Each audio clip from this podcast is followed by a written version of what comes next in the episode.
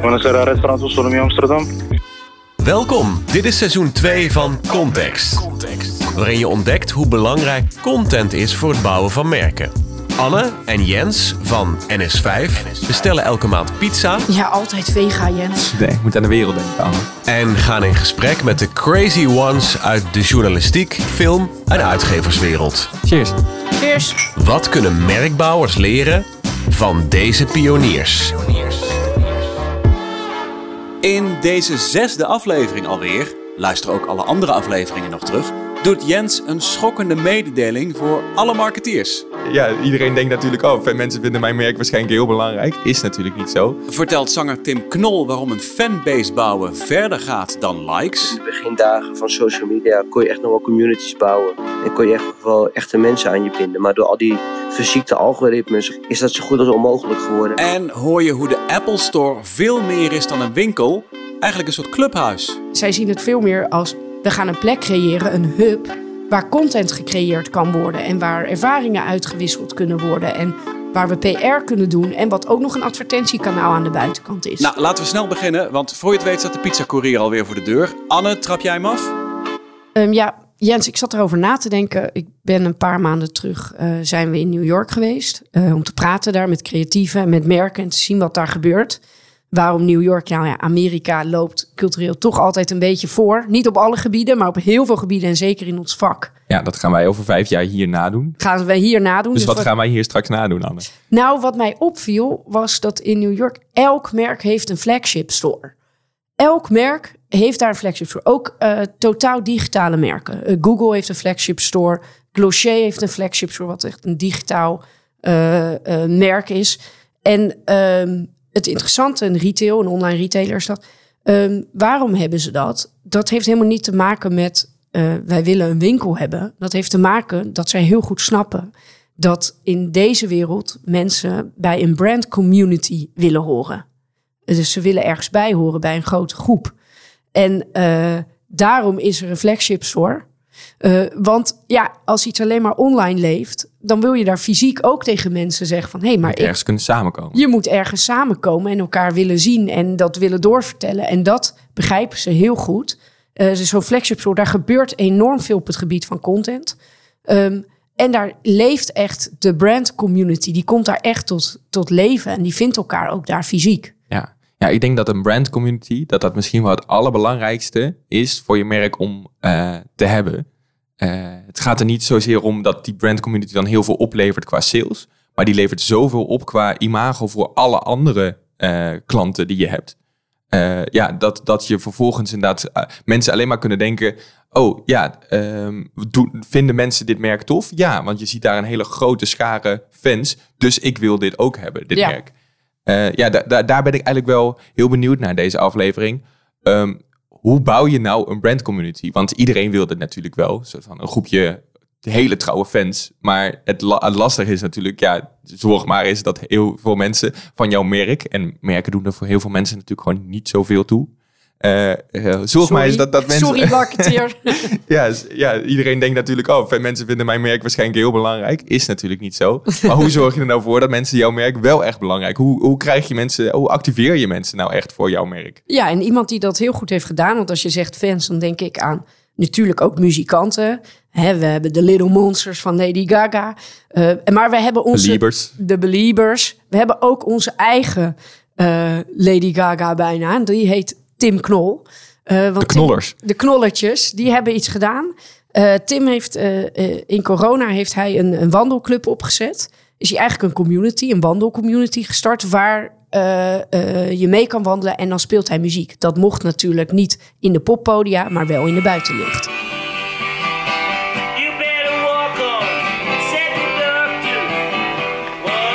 En hij heeft dat uitgebouwd tot een enorm platform. Eh, volgens mij hebben ze nu 1500 betalende leden. Dan kan je denken, oh, dat is heel weinig. Maar 1500 betalende leden vanuit het niks, dat is echt heel veel. Die betalen jaarlijks gewoon contributie aan een muzikant. Om onderdeel van zijn club te mogen zijn. Komen naar zijn concerten, kopen zijn t-shirt. eh, Exact. Hebben het, het tijdschrift van eh, de wandelclub. eh, elke Komen ehm, fysiek ook samen op de mat. Ja. bij zo'n concert of Ja. bij zo'n wandelconcert. Je vraagt nogal wat van, eh, van je fans daarmee. Ja. Dat vind ik wel. En ik vind het knap dat hij dat... Ja, hij heeft daar iets in gezien en hij heeft dat gedaan en, en recent gebouwd. En ik ben benieuwd eh, wat je als marketeer eigenlijk kan leren van de stappen en de fases die hij heeft doorgemaakt om zo'n brand community te bouwen. ja. Laat ze bellen.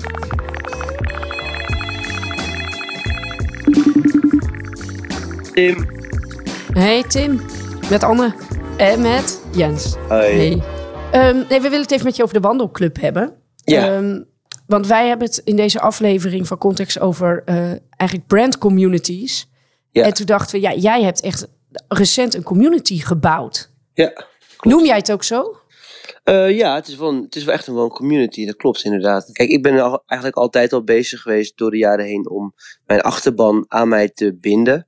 En dat, dat, dat deed ik eigenlijk daarvoor al in een soort abonnementservice van cd'tjes die ik maakte. Dat heette Lost and Found tapes. Nam ik, nam ik op een cassettedek nam ik mezelf op en dat bracht ik uit op cd en cassette. En dan konden mensen zich op abonneren.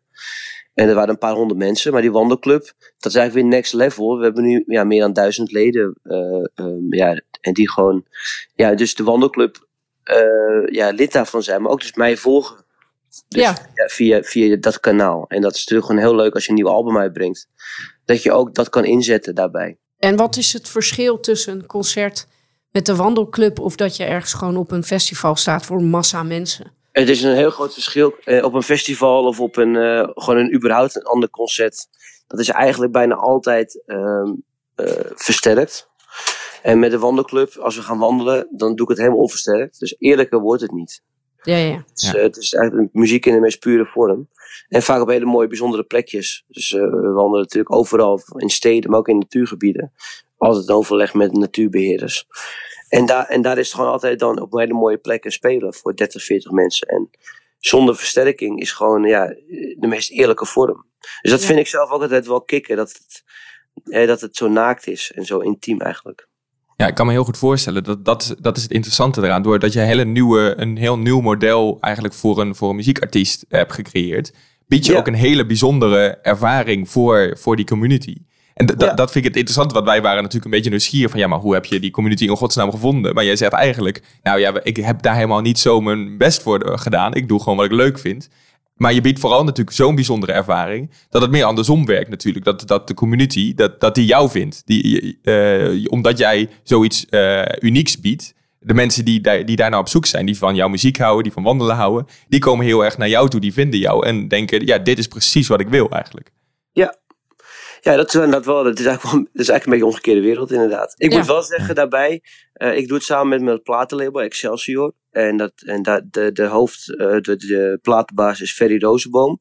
Mhm. En die is wel iets bewuster van de community. eh, die, die is daar wel iets bewuster mee bezig. Die is eigenlijk altijd al bezig om te zoeken naar manieren om gewoon mensen op een andere manier dan social media aan, aan artiesten te verbinden. Ja. Want eh, ik, ik vind dat zelf ook wel vrij lelijk. Dat, kijk, als jij 100.000 volgers hebt, is het eigenlijk vrij leeg. En ik denk dat het altijd, dat altijd de, de, de, de fysieke, analoge manier. Dus eigenlijk ook bijvoorbeeld met cd'tjes maken, met platen maken. Is het eigenlijk de beste manier om mensen aan je te binden. En eh, eh, hij doet dat ook altijd met, met, een, met een artiest als Spinfish. We zien dus ook altijd hele bijzondere dingen om, om te doen. Om echt die mensen te activeren. Eh, de achterban te activeren. En dat is dit, dit ook wel. Weet je wel. Dit is ook wel echt om je achterban bij je te houden. En ik Ja. moet wel zeggen dat zij er wel iets bewuster mee omgaan dan ik. Want zij helpen mij daar wel bij ook. Ja, Ja, een groot verschil denk ik tussen het hele offline eh, elkaar ontmoeten en, en online is ook denk ik dat de, de community ook met elkaar heel makkelijk interactie kan hebben. In plaats van dat het eenzijdig tussen de jij post iets op Instagram en eh, mensen liken dat. Ehm, Ja. mer- merk je dat ook in je community? Dat, dat, dat ze met elkaar ook echt dat daar, dat daar banden ontstaan, dat daar vriendschappen uitkomen, dat daar. Ja, absoluut. Absoluut. Je merkt ook, je gaat wandelen met 40 man. Er zijn ook mensen bij die komen alleen. En eh, ook mensen die gewoon, ja, die, die, die elkaar helemaal niet kennen, die, die, die wandelen wel twee, drie uur met elkaar. Ja. En ja, die, die gaan in gesprek met elkaar. Dat gebeurt eigenlijk altijd wel, ja. Die, komen altijd, ik weet niet of er echt vriendschappen zijn ontstaan, maar er zijn wel mensen die elkaar via die wandelclub kennen. Wandelclub baby's komen binnenkort. Ja, ik wou net zeggen. Ja, exact. Ja, nee, nee, ja. nee, maar het is, wel, het is wel een dingetje voor mij. Wat, wat, ik wel, wat ik wel mee worstel is als, als muzikant. Dat ik vind gewoon social media heel lelijk. En ik vind ook vandaag de dag dat muzikanten zo geil zijn op Spotify-cijfers. Daar heb ik heel veel Mhm. moeite mee. Ik vind dat zelf eh, heel leeg en ook heel erg. eh, ja, het zijn maar nummertjes. Weet je wel. Het zegt, het zegt helemaal niks voor mij. Als jij een playlist krijgt eh, op Spotify, per toeval waar, het- waar 500.000 mensen een like op hebben gedaan, krijg je heel veel plays. Maar dat zegt helemaal niks over de waardering van je muziek. Het is En wel grappig, interessant wat je zegt. Want dat geldt natuurlijk voor merken ook. Wij, wij praten veel met eh, eh, merken en met marketeers. En die hebben social media afdelingen. En dan zeg je, ja, waarom posten jullie dit allemaal? En dan is heel vaak, ja, omdat onze doelstelling likes of engagement is. Ja. Eh, maar eigenlijk is de vraag, hoe waardevol is zo'n like? Hè, ik zeg heel vaak, ja, dan kan je ook gewoon puppies gaan posten. Die krijgen ook straks heel veel likes. Maar het zegt helemaal niks over jouw schoenenmerk bijvoorbeeld. Ehm, dus het zijn, het zijn een beetje lege. eh, het gaat uiteindelijk, denk ik, om de waarde. En dat zeg jij eigenlijk ook. Van de waarde van eh, verbinding hebben met elkaar. Ja, en dat wordt ook steeds belangrijker. Ik denk dat in de begindagen van social media kon je echt nog wel communities bouwen. En kon Ja. je echt nog, wel, echt nog wel echte mensen aan je binden. Maar door al die verziekte algoritmes op al die platforms is dat zo goed als onmogelijk geworden. Hebben ze het eigenlijk allemaal gekild. En daar zijn er wel nieuwe manieren. Dus met Substack ben ik echt wel fan van. Dat heb ik dan ook. En dan Ja. ben ik ook wel meer, meer engagement. Dat meer mensen het ook echt lezen en de tijd daarvoor nemen. En da- daar bewust mee omgaan. Maar ik vind eigenlijk al die andere social media plat. Ja, inderdaad. Je kan, je kan, als je echt succes wil, dan moet je gewoon, eh, moet je gewoon op, je, op je bek gaan op straat. En dat even grappig filmen. En dan heb je heel veel succes. Ja. ja, eh, ik, vind dat, ik vind dat zelf heel. Ik worstel daarmee. En ik, ik probeer eigenlijk me daar altijd van te distancieren door iets te bedenken. Bewust of onbewust, want ik ben met de wandelclub is me overkomen, maar daarvoor, ik, nogmaals, daar ben, ik ben Ja. echt wel mee bezig om gewoon mensen aan me te binden. Echte mensen. Ik zag laatst een muzikant weer gewoon, eh, die heet Paul Bond. En Ja. eh, dat, is, een- dat is een muzikant die, eh, die heeft laatst een soloplaatje gemaakt. En die is gewoon weer echt fysiek nieuwsbrieven gaan versturen. Ik vond het zo grappig dat, om, dat, om te zien. Echt zo, hij had echt zo'n een, een bond nieuwsbode had hij bedacht. En dat stuurt hij gewoon echt fysiek op naar mensen. Het is Gewoon briefpapier. Ja. Gewoon een briefpapier. ja, het is echt veel werk, maar het is wel... Ja, het- persoonlijker wordt het niet. precies. Ik vind, het, ik, vind het toch wel, ja, ik vind het toch wel mooi eigenlijk. Ja, en ook in, juist in deze tijd dat alles zo snel en vluchtig is, is denk ik wel belangrijk dat dit ook ehm, weer gedaan wordt. Ja, wij, wij gaan nog even doorpraten. Dus over als wij, eh, ja, wat kunnen merken daar nou van leren en hoe zouden zij dat, dat kunnen doen? Als jij een merk zou moeten adviseren om een waardevolle community te creëren, wat, wat, wat zou je ze dan mee willen geven? Ja, dat is echt heel moeilijk, een heel moeilijke vraag. Ehm, ja, ik denk gewoon dat je heel dicht, dat je niet te veel moet bedenken. Dat je gewoon, eh, als je met een, met een product of met een, met een persoon in de markt wil zetten, moet je gewoon heel dicht bij die persoon blijven. Kijk, ik, eh, ik, ik kan zelf, alleen maar voor mezelf spreken, is dat ik kan heel moeilijk dingen doen die mij niet liggen. Ik heb vroeger kwam ik wel, eh, op de televisie nog wel eens en bij een talkshow. En heb ik ook wel eens aan een tafel gezeten met een onderwerp waar ik helemaal niks mee had. Ja. Maar het was dan goed voor mijn carrière, werd dan gezegd. ja, en kijk, dat zijn altijd de momenten dat, waar ik nu spijt. Dat zijn de keren dat ik spijt heb dat ik op televisie ben geweest. Want dat zijn eigenlijk altijd de momenten die mensen niet onthouden. Ja. Omdat je dan gewoon iets. eh, ja, en als je, als je daar zit met, eh, over, een, over iets met, waar je met passie over kan praten. Of waar heel veel liefde in zit, bij jezelf, van, van, bij jezelf vandaan. En het is natuurlijk ook wel met de jonge muzikanten, die, die, de generatie onder mij. Ja, dat is natuurlijk ook heel erg social media gebaseerd. En dat werkt Ja. ook wel. En het, uiteindelijk zijn het ook wel uitverkochte zalen hoor. Moet ik wel zeggen. Bij die artiesten allemaal. Weet je wel? Ja. Dus niet dat het, dat het helemaal leeg is. Maar ik weet dan niet of het dan het publiek is wat je graag wil hebben. Of zo. Ja. Ja. Ik niet in ieder geval. Ik, heb niet zo heel veel aan, ik heb ook niet zo heel veel aan een radiohit. Dat is niet de muziek die, dat is ook niet de muziek die ik ambieer om te maken. Die je dat wil maken. Nee. wat ik voor mijn neus wil hebben. Ja. Het klinkt een beetje, het klinkt een beetje decadent wat ik nu zeg, maar zo bedoel Nee ik. Nee, het is juist heel verfrissend, heel denk ik. Zo van, we hebben eh, natuurlijk een vrij commerciële podcast... waarin we het tegen eh, ja, commerciële merken eh, hebben. Ook niet commerciële merken, maar... ehm, ja, dan is het juist heel verfrissend natuurlijk om ook eens een soort van, ei- eigenlijk meer vanuit de inhoud te gaan denken. Meer vanuit je- jezelf als maker te denken. Wat wil jij nou maken? Wat wil jij nou brengen aan de wereld? In Ja. plaats van, oh, waar verdien ik het meeste geld mee? Of waar zit de grootste markt? Dus dat Ik is juist, denk ik, een hele verfrissende eh, blik hierop. hey, eh, dankjewel. Ja, succes met de podcast. Eh, ja, hier de voice-over, die, dat gebeurt niet vaak, met zijn oren staat te klapperen en met zijn mond vol tanden. Want dit was wel echt het toppunt van puurheid en passie. Dat je een optreden voor een handjevol mensen in een duinpan prefereert boven een hele grote hit op Spotify. Je publiek recht in de ogen kijken, ze persoonlijk een cd'tje opsturen, een krantje maken. Wat kunnen we hier nou mee? Ja, ik denk dat we dit moeten plaatsen in, eh, in het spectrum eh, Tim Knol, die misschien helemaal links staat van je hand. Ehm, en dat is natuurlijk echt een liefhebber van de muziek die hij maakt. Hij maakt ook eh, een, een bepaald genre. Hij is ook eigenlijk helemaal dat genre. Ik weet niet, toch als je een keer naar de Instagram van Tim Knol gaat, zie je ook hoe die eruit ziet. Hij is een beetje die, ja, die Amer- Amerikaner cultuur die hij ook heeft. En die hij ook maakt qua muziek.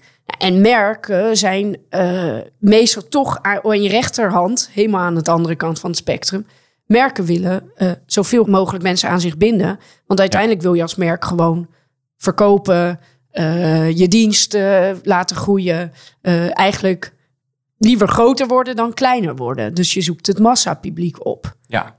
Ja, daarom is dit eigenlijk een heel verfrissend perspectief dat we hier in een best wel commerciële podcast natuurlijk aan adverteerders ehm, eh, Tim Knol bellen, die eigenlijk totaal niet commercieel erin staat. Dat je zou denken, wat kunnen we daar in godsnaam van merken van leren? Maar er zit wel degelijk ook een hele eh, heel businessmodel achter. Een heel slim, vernieuwend businessmodel. Wat eh, ook eigenlijk precies... ik denk dat Tim het misschien zelf niet eens eh doorheeft... maar zijn, zijn, zijn strategie is precies eh, het true fan model eh, van eh, Kevin Kelly. Dat, Ja. is, dat is een, een goeroe uit, uit Silicon Valley. Eigenlijk alle grote Silicon Valley eh, Een van jouw helden mensen, natuurlijk. Die, die, nou, de meeste mensen die je kent uit Silicon Valley, die kijken naar Kelly, Kevin Kelly voor, voor hun inspiratie. Cook k- kijkt naar- Die kijkt naar Kevin Kelly. Dus hij is de, de inspirator van, de, van, de, van onze inspiratie, inspirators. En dit klinkt wel als een college dan. Ja, dit is een college. Hij heeft het true fan model. Hij zegt eigenlijk, ja, hele grote merken die zijn continu bezig om de massa eh, te bedienen. Eh, maar ja, dus, dus in een boekenwinkel, in een commerciële boekenwinkel, zie je vooral een aantal boeken staan waar je een heel groot deel van het Nederlandse publiek mee verzadigt. Dus Ja. van, dus daar staat eh The Subtle Art of Not Giving a Fuck en daar staat, weet ik wel wat, Rutger Bregman met de meeste mensen deugen. En er staan nog Saskia een aantal, Noord Saskia staat Noord staat daar. ja. En dan heb je alweer een heel groot deel te pakken. Maar eh, dan heb je nog iets wat je noemt de long tail. Dus dat is eigenlijk de hele stroom van, van, eh, van producten die individueel niet zo heel veel eh, sales gaan opleveren. Maar die, die tail is zo lang, dus je hebt zoveel producten daarvan, dat als je dat allemaal bij elkaar optelt, heb je een veel grotere opbrengst eigenlijk dan ja, als je alleen maar het commerciële, als je alleen maar die massa pakt. En Tim Knol opereert in die, in die long tail. Want eh, Kevin Kelly zegt in zijn True Fan model... als jij maar duizend mensen weet te vinden... ehm, die precies in jouw niche, precies jouw, jouw, jouw stukje... want dat is nogal niche, het is mensen... en die van wandelen houden... en die van, van samen naar muziek luisteren houden... en ook nog specifiek de muziek van Tim Knol houden... Eh, dus dan heb je een hele, hele erge niche. Maar als je die duizend mensen zo erg iets weet te servicen en zo erg eh weet te binden, dat zij jou 100 euro per jaar, per jaar betalen. En dat is ongeveer waar je bij die wandelclub op uitkomt. Want je betaalt een maandbedrag en dan ook nog elk Ja. concert waar je naartoe gaat. Kun je er daarna nog eh, t-shirts kopen. Je hebt je nog het, blaadje. Dus er zit er best wel wat, wat, eh, wat eh, omzet wat je, wat je per persoon hebt dan kun je daar eigenlijk al van leven. Dat, is- dan heb je al genoeg opbrengst om daar als Tim Knol zijnde van, van, van rond te komen. Door de nieuwe mogelijkheden van, van het internet, waar, waar Tim misschien meer wars van is, heb je wel de mogelijkheid om direct contact te hebben met mensen, direct sales te hebben met mensen, waar dus ook niet geen tussenpersonen meer tussen staan. Dus je, hebt, je, hebt- je hoeft het niet meer via allemaal commerciële Ja. organisaties te doen. Hij kan gewoon direct, mensen gaan direct naar zijn website toe, naar eh dewandelclub.nl en gaan daar eh, lid worden. Dus je hebt heel direct contact eh, met mensen. En ook door het internet. Dus van wereldwijd hoeft maar één op de miljoen mensen hoeft in jouw niche te vallen. Nou, dat is echt zo klein. Zo, het van, dan kom je al aan die duizend mensen. Dus, dus er hoeft maar één iemand zo gek te zijn in de miljoen mensen die daadwerkelijk 100 euro per jaar wil betalen voor alles wat jij hen te bieden hebt.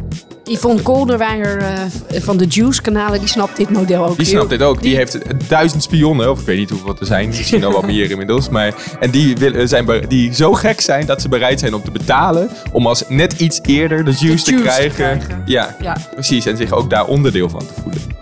Voor de rest is het natuurlijk ook voor, voor beginnende eh, merken. Die, die nog niet het geld hebben om echt breed te, eh, te, te communiceren. Om eerst een niche te kiezen. En dat als springplank te Maar nu gebruiken. luister ik en ik heb Ja. gewoon, ben van een bank of een verzekeringsmaatschappij of ik heb een groot fashion label en ik denk, Ja.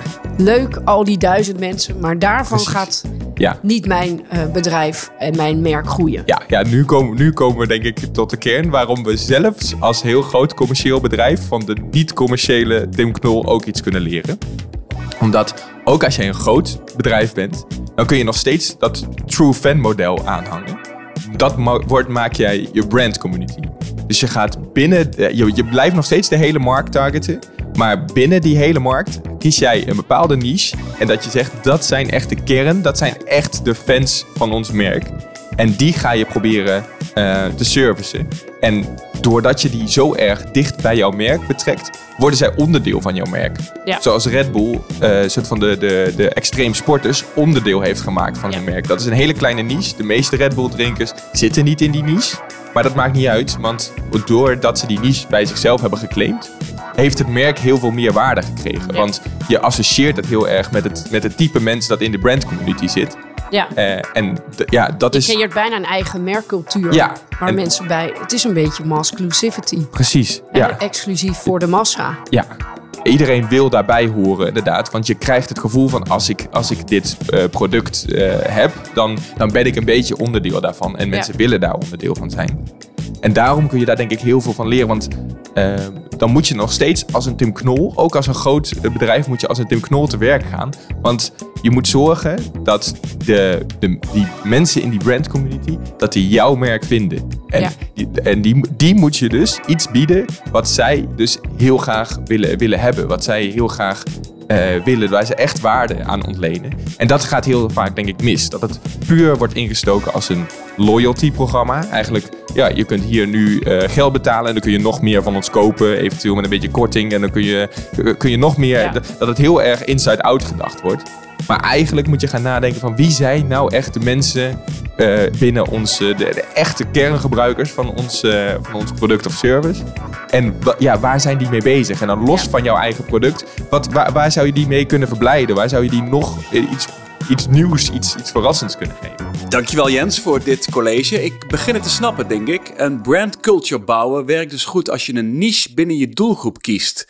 Maar Anne, misschien moet jij deze beantwoorden. Waar begin je dan als merk? Wat ik echt eh, hun wil meegeven is, eh, eh, als je luistert, je moet als marketeer echt gaan begrijpen wat cultuur is. En wat subculturen zijn en wat mensen met elkaar bindt. En hoe je daar meer een faciliterende rol als merk kan hebben dan een alleen maar zendende rol. En ik denk dat, we hebben het hier over publishing en content. En publishing en content is precies die tak van sport waarmee je dat kan bewerkstelligen. Ehm, en in het begin van deze aflevering had ik het over dat wij in New York waren. Ja, vertel. Nu ben ik benieuwd. Wat heb je daar nou echt gezien? Nou, wat merken heel goed snappen is, daar is dat brand communities, dat de online wereld heeft het mogelijk gemaakt voor mensen met elkaar online te verbinden en interactie op te zoeken. Wat zij ook begrijpen is dat er dat één eh, digitaal contact onthoud je niet, maar dat een ervaring, iets wat je fysiek meemaakt, is iets wat je echt onthoudt. Misschien wat Tim Knol ook wel liet zien. Hè? Die mensen eh, onthouden misschien hem niet op een festival, maar als ze met hem zijn gaan wandelen en het is echt een ervaring met hem, onthouden ze dat wel.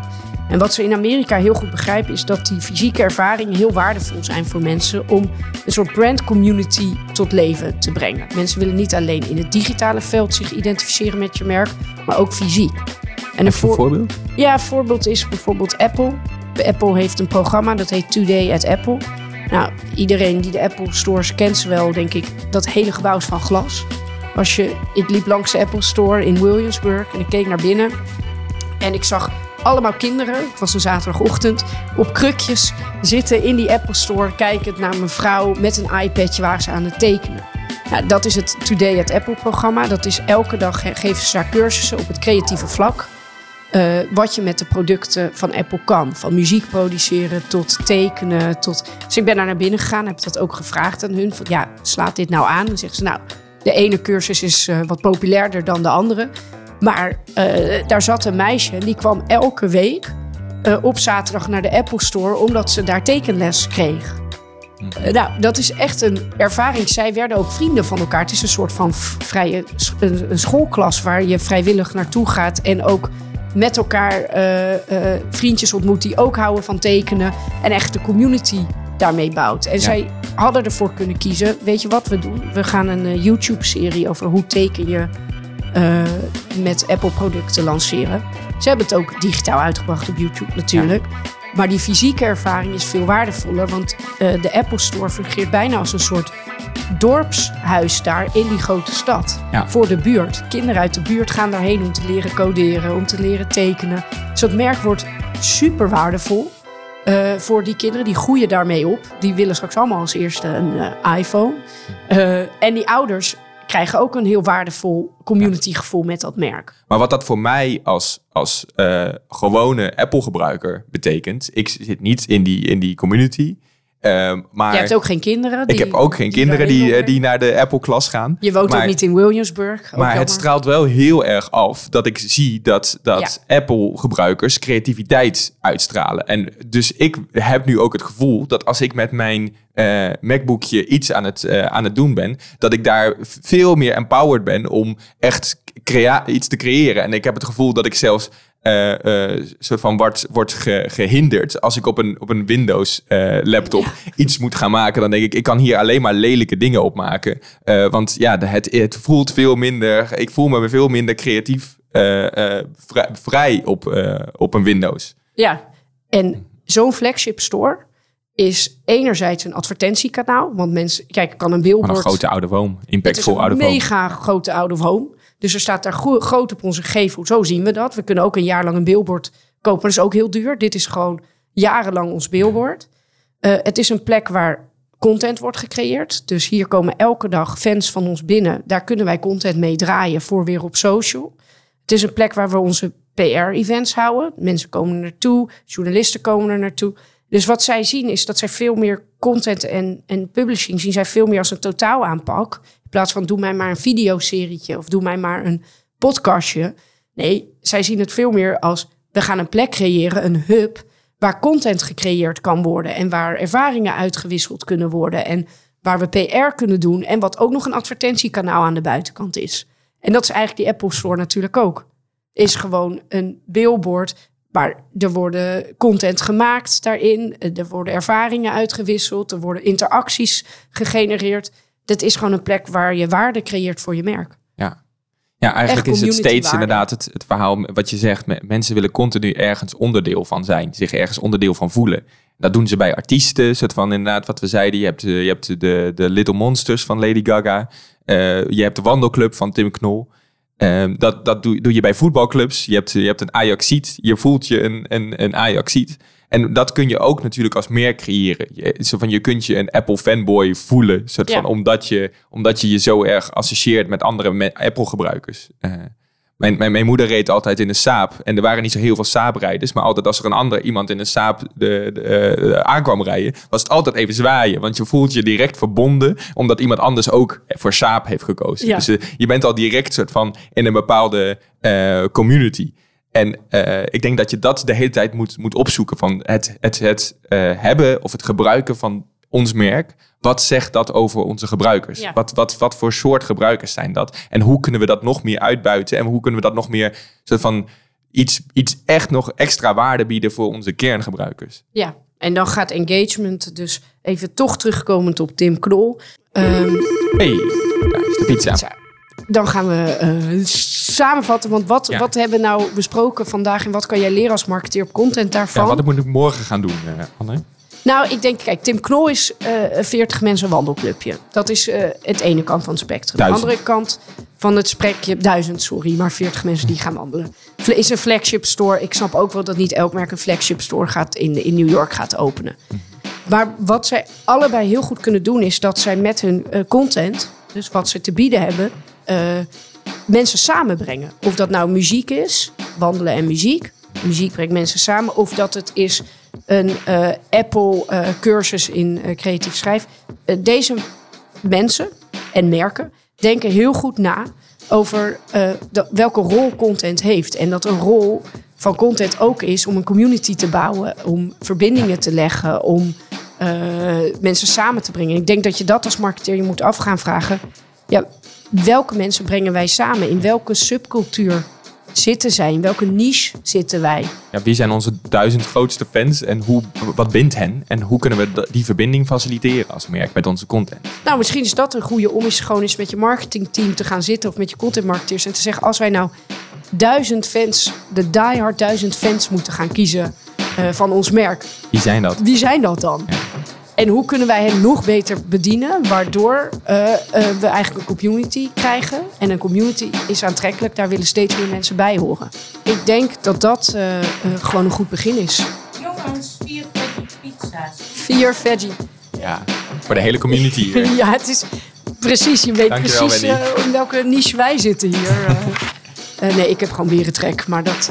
Ho, ho, wacht nog even. Wat gaan we volgende keer doen? Wil Koopman. Wil Koopman, ja, we gaan even van, eh, van de niche van, eh, van Tim Knol naar eh, echt de massa van Wil Koopman. Want eh, series als Oogappels, Gooise Vrouwen, heel Nederland eh, is er fan van. Heel Nederland herkent zich erin. Hoe krijg je dat voor elkaar? Hoe bouw je zoiets? Deel deze podcast vooral met andere marketeers op zoek naar de juiste context. En tot de volgende keer. Dit is Context. Context.